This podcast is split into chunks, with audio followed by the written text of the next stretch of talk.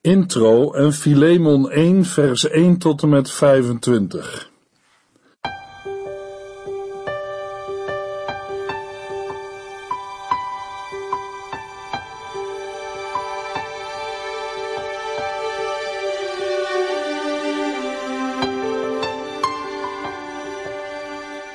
Hartelijk welkom bij De Bijbel Door, een programma van Transworld Radio. De Bijbel Door is een radioserie die u in vijf jaar meeneemt door de hele Bijbel. Van Genesis 1 tot Openbaring 22.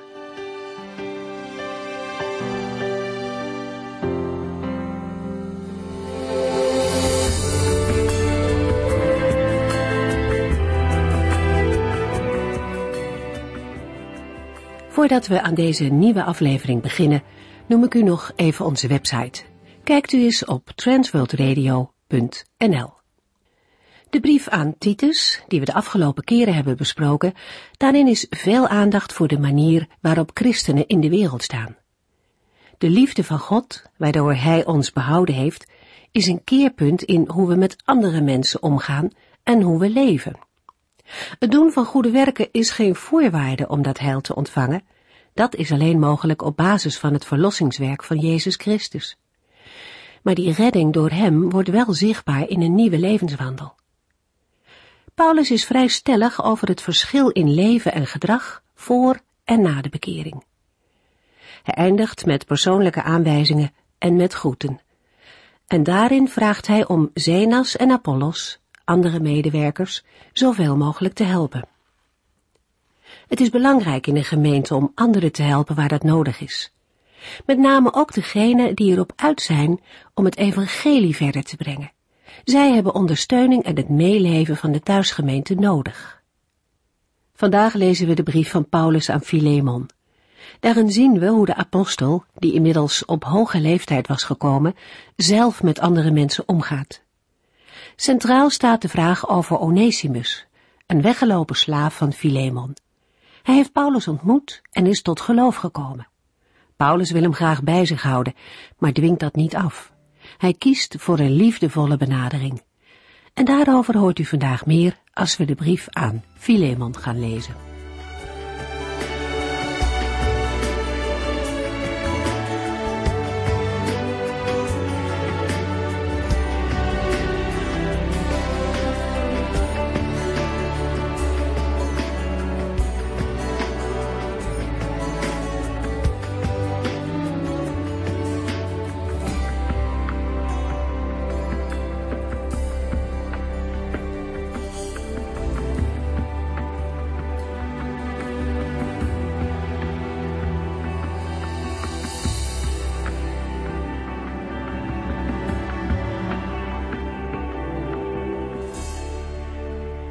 De brief van Paulus aan Filemon volgt na de pastorale brieven van de apostel Paulus. Hij wordt gerekend tot de gevangenschapbrieven. Er is een nauwe relatie tussen de brief aan Filemon en de brief aan de Efeziërs en aan de Colossense. De relatie komt uit in de namen van de naaste medewerkers van de apostel. De brief aan Filemon is een van de weinige brieven geweest die Paulus zelf heeft geschreven. De brief onderscheidt zich van de andere brieven van Paulus doordat hij gericht is aan een broeder in Christus en handelt over een zeer persoonlijke kwestie. In andere brieven is de apostel vaak bezig met het geven van onderwijs of het weerleggen van dwaalleer. Altijd is hij bezig met logica en argumenten om de eer van God en de ware leer van de gemeente van Christus in het licht te stellen en te verkondigen. In de brieven aan Filemon zien we een andere kant van de apostel. In een ogenblik van ontspanning vindt er een vriendschappelijke gedachtenwisseling plaats, ongedwongen en zelfs met humor. Paulus schrijft een korte brief aan Filemon, zijn geliefde broeder en medewerker, ten behoeve van Onesimus, een weggelopen slaaf van Filemon, maar nu een broeder in Christus. Met veel tact en fijngevoeligheid vraagt Paulus aan Filemon om Onesimus weer terug te nemen en dat te doen met dezelfde vriendelijkheid waarmee hij Paulus zou ontvangen. Mocht Onesimus hem iets schuldig zijn, dan belooft Paulus dat te vergoeden. Filemon kennende heeft Paulus het volste vertrouwen dat broederliefde en vergevingsgezindheid de overhand zullen krijgen. Omdat in de aanhef van de brief duidelijk wordt aangegeven dat de brief is gericht aan Filemon, onze medewerker, heeft de brief de naam van Filemon gekregen. Net als de eerste en tweede brief aan Timotheus en de brief aan Titus is hij gericht tot één persoon. Maar anders dan de pastorale brieven is de brief ook gericht aan een gezin en een huisgemeente.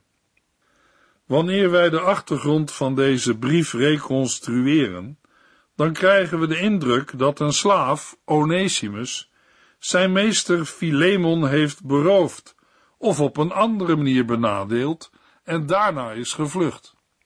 Hij is toen van Colosse naar Rome gereisd, waar hij relatief veilig was in de mensenmassa die de keizerlijke stad bevolkte. Op de een of andere manier is Onesimus toen met Paulus in aanraking gekomen. Het is mogelijk dat hij de apostels zelfs is komen opzoeken om hulp te vragen. Want Onesimus heeft Filemon ongetwijfeld over Paulus horen praten. Paulus had Onesimus tot Christus mogen leiden. En hoewel Onesimus voor Paulus een aanwinst was, wisten ze allebei dat het, nu Onesimus christen was geworden, zijn verantwoordelijkheid was om naar Filemon terug te keren. Die dag brak aan toen Paulus zijn brief aan de Colossense schreef. Tychicus was degene die de brief overbracht. Paulus besloot Onesimus met hem mee te laten gaan naar Colosse, in de wetenschap dat het met het oog op slavenjagers veiliger zou zijn om Onesimus niet alleen naar Colosse te laten reizen, maar samen met iemand anders. In het begin vertelde ik al dat de brief aan Filemon een van de vier gevangenisbrieven is. De brief is geschreven in het jaar 60 of 61 na Christus en gedurende Paulus' eerste verblijf in Romeinse gevangenschap samen met die aan de Colossense verstuurd. De andere twee gevangenisbrieven zijn die aan de Efeziërs en de Filippenzen. In Filemon 1 vers 22 schrijft Paulus, Houd een kamer voor mij klaar, want ik hoop dat God uw gebeden zal verhoren, zodat ik binnenkort als vrijman naar u toe zal kunnen komen. Deze woorden laten zien dat Paulus erop vertrouwde dat hij snel zou worden vrijgelaten. Filemon was een inwoner van Colosse en een bekeerling van Paulus. Mogelijk ten gevolge van een ontmoeting met de apostel in Efeze tijdens zijn derde zendingsreis. Het huis van Filemon was groot genoeg om voor de christelijke gemeente in Colosse als plaats van samenkomst te dienen. Filemon was een gullegever en ondersteunde andere gelovigen, en zijn zoon Archippus bekleedde kennelijk een leidende positie binnen de gemeente. Filemon had behalve Onesimus waarschijnlijk nog andere slaven, en hij was niet de enige onder de gelovigen van Colosse die slaven had. Daarom kon deze brief en de reactie van Filemon mogelijk ook een richtlijn zijn voor andere eigenaars die christen waren en waarvan slaven waren weggelopen. Volgens de Romeinse wet konden weggelopen slaven, zoals Onesimus, streng worden gestraft of veroordeeld tot een gewelddadige dood. In de brief aan Filemon wordt de vergeving die een gelovige in Christus vindt heel mooi beschreven door middel van analogie. Paulus vraagt op een bescheiden manier of Filemon zijn vroeger weggelopen slaaf, die tot geloof in Christus is gekomen, weer in genade aan wil nemen. Paulus bemiddelt voor Onesimus, terwijl hij ook de geestelijke vader van Filemon is. Paulus doet afstand van zijn rechten en wordt de plaatsvervanger van Onesimus door zijn schuld op zich te nemen. Onesimus wordt door Filemon in genade aangenomen en in een nieuwe relatie tot hem geplaatst. Paulus' bemiddelende rol ten aanzien van Filemon vormt een overeenkomst met het middelaarswerk van Christus ten aanzien van God de Vader. Onesimus werd door de wet veroordeeld, maar door genade gered. Luisteraar, zo is ook onze positie ten opzichte van God de Vader in de hemel.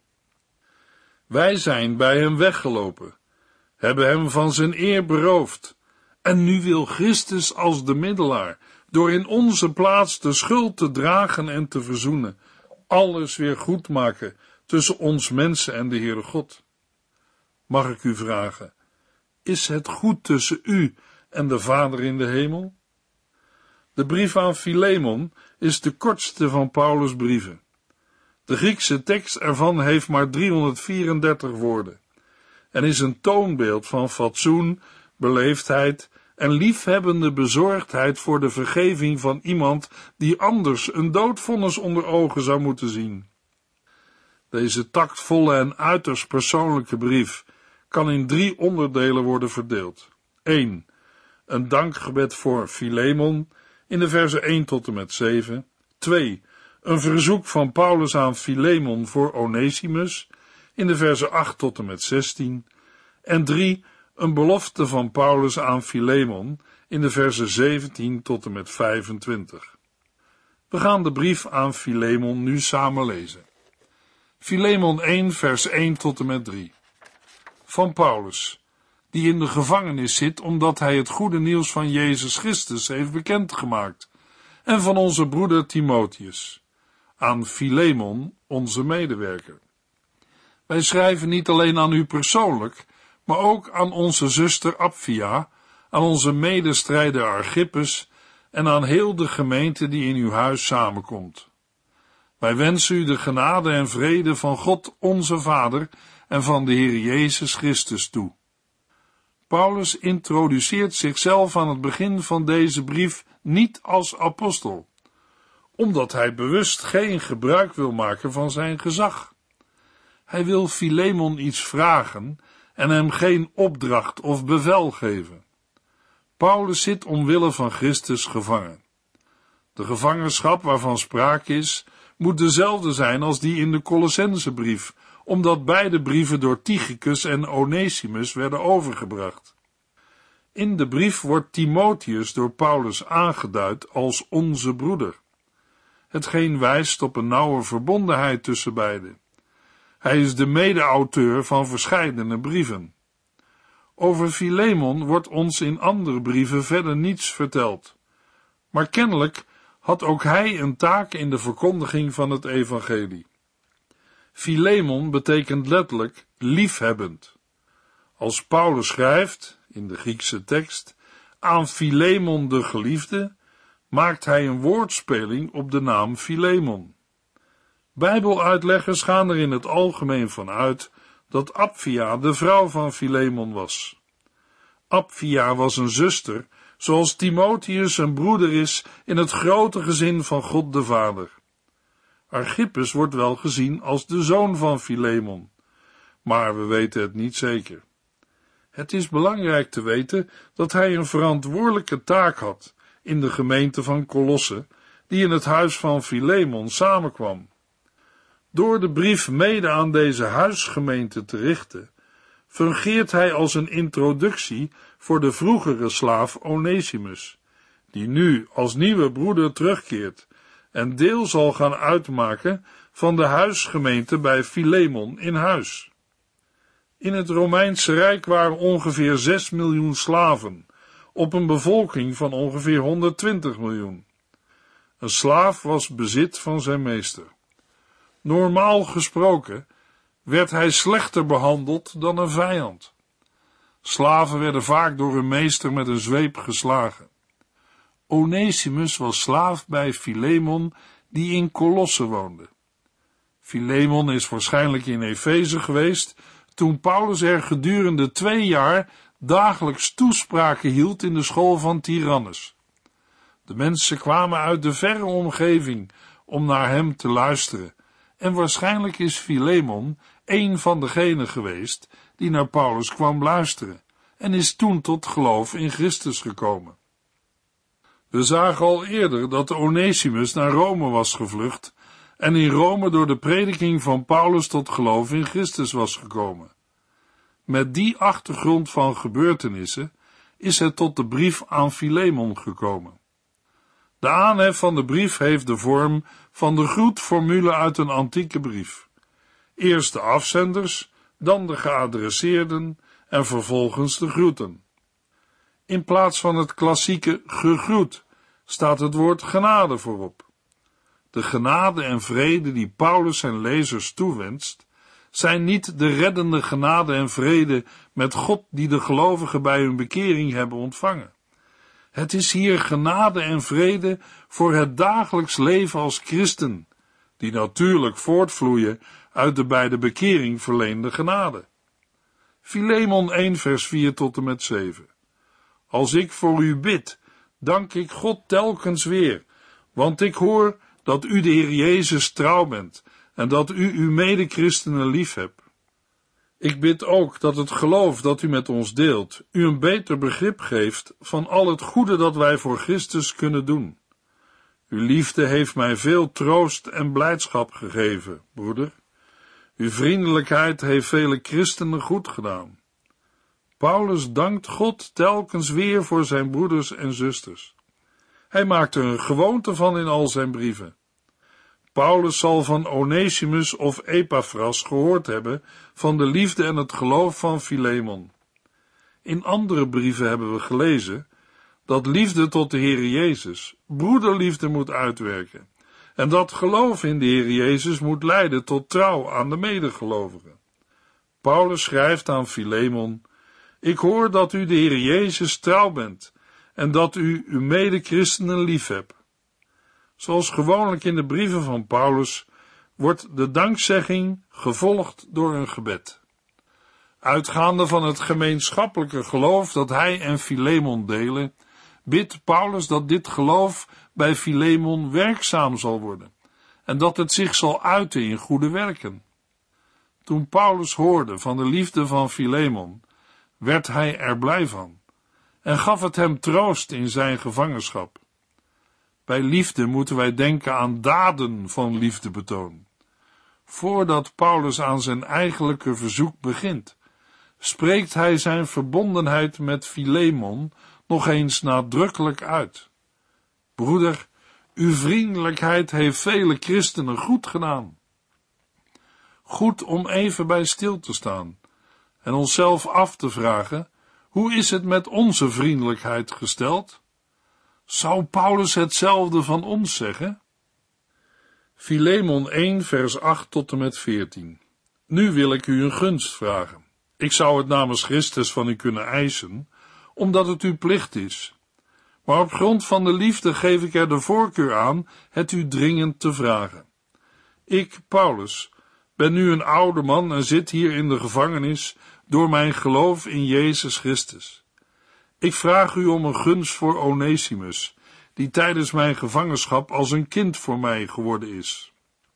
Onesimus is u tot nu toe niet van veel nut geweest, maar vanaf nu zal hij u en mij goede diensten kunnen bewijzen. Ik stuur hem naar u terug. Ik wil dat u weet dat hij mij heel na aan het hart ligt. Ik wilde hem eerst bij me houden, terwijl ik hier gevangen zit, omdat ik het goede nieuws heb bekendgemaakt. Dan zou u door hem mij een grote dienst hebben bewezen. Maar ik wilde het niet zonder uw medeweten doen. U kunt alleen maar goed doen uit vrije wil en niet onder dwang. Met als achtergrond het vroegere liefdebetoon van Filemon en een beter begrip van al het goede dat Paulus hem toebidt, komt de apostel voorzichtig met zijn verzoek. Als apostel had Paulus gezag om Filemon iets te bevelen. Als broeder in Christus zou Paulus hem kunnen wijzen op zijn verantwoordelijkheid. Verder is natuurlijk het feit dat Paulus en Filemon beide broeders in Christus zijn, een voorwaarde voor een vrijmoedige oproep.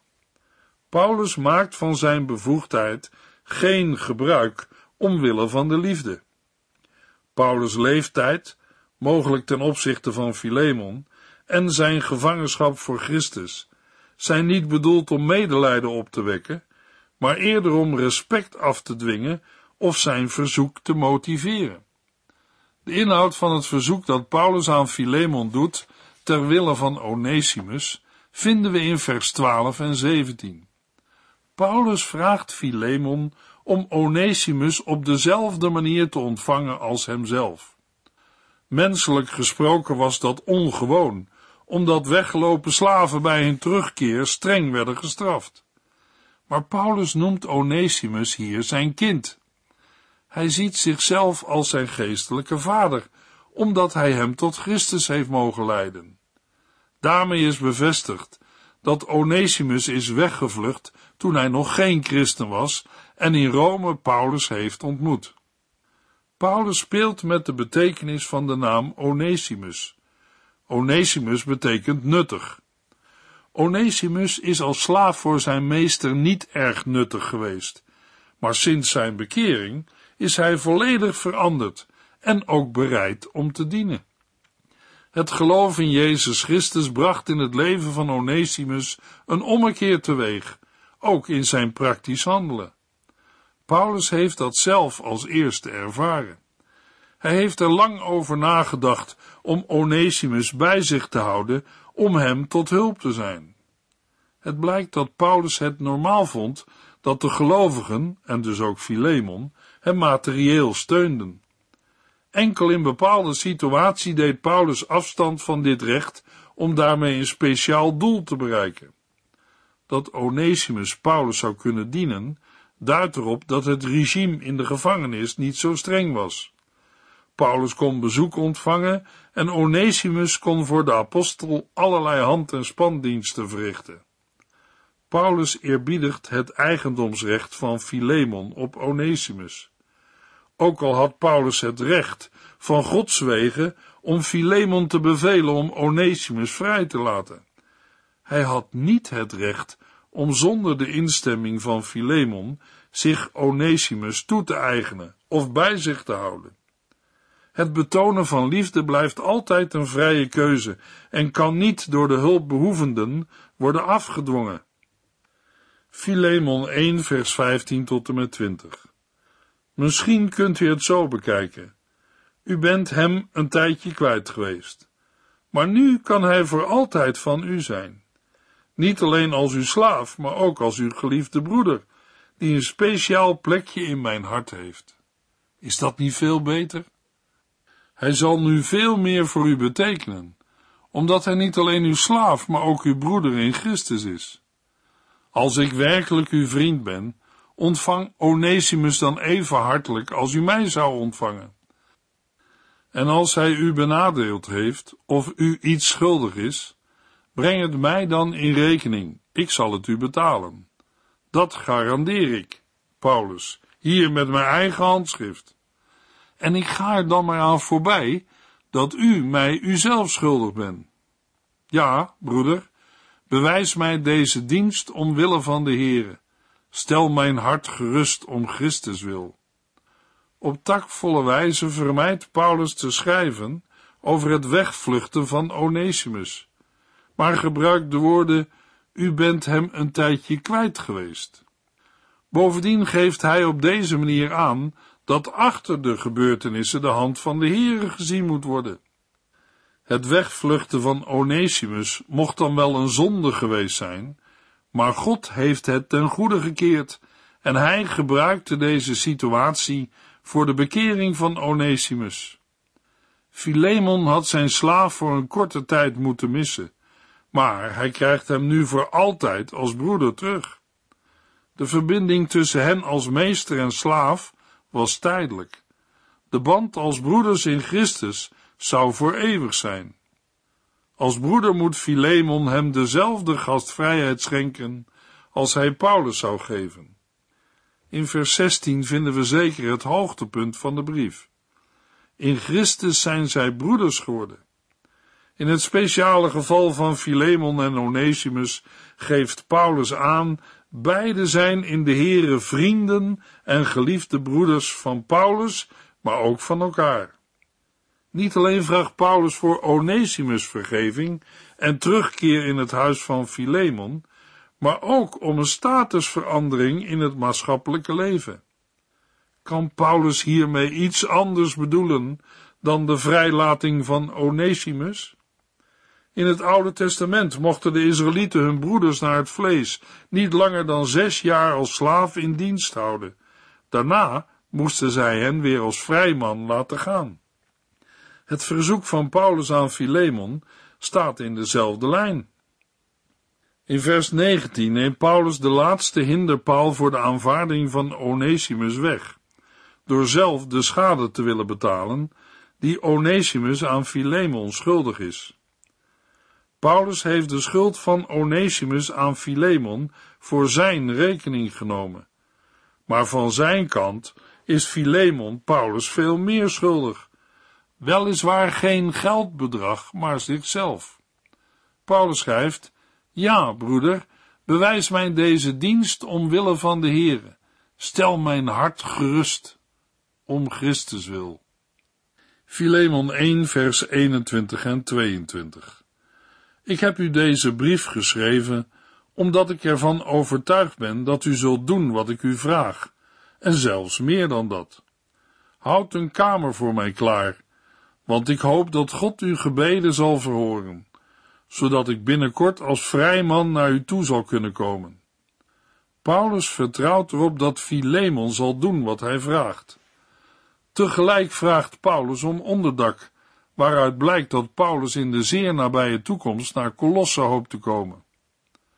Philemon 1 vers 23 tot en met 25 U moet de groeten hebben van Epaphras, die hier ook gevangen zit, omdat hij Christus Jezus heeft bekendgemaakt. Ook mijn medewerkers, Marcus, Aristarchus, Demas en Lucas groeten u. Ik wens u toe dat uw geest door de genade van de Heer Jezus Christus gesterkt zal worden. De medewerkers van Paulus die hier genoemd worden, zijn dezelfde als in Colossense 4.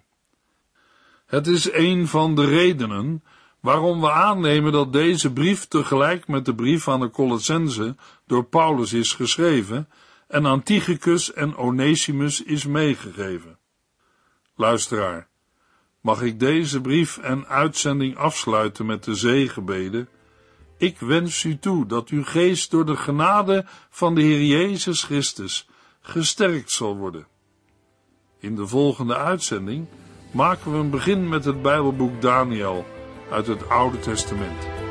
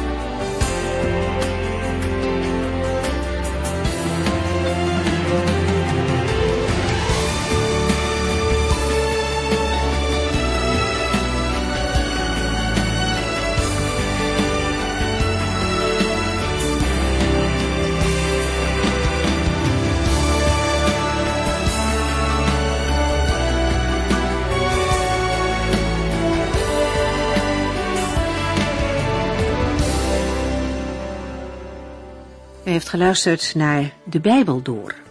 In het Nederlands vertaald en bewerkt door Transworld Radio. Een programma waarin we in vijf jaar tijd de hele Bijbel doorgaan. Als u wilt reageren op deze uitzending of u heeft vragen, dan kunt u contact met ons opnemen. Tijdens kantooruren kunt u bellen op 0342 478432. 0342 478432. 32. Ook kunt u een e-mail sturen naar de Bijbel door transworldradio.nl en natuurlijk kunt u ook via de post ons bereiken. TWR, postbus 371, postcode 3770, AJ in Barneveld. Dit programma werd gepresenteerd door Corweda en Ike André. Techniek was in handen van Odin van Woerdenkom. En namens ons allemaal bedanken we u van harte voor het luisteren.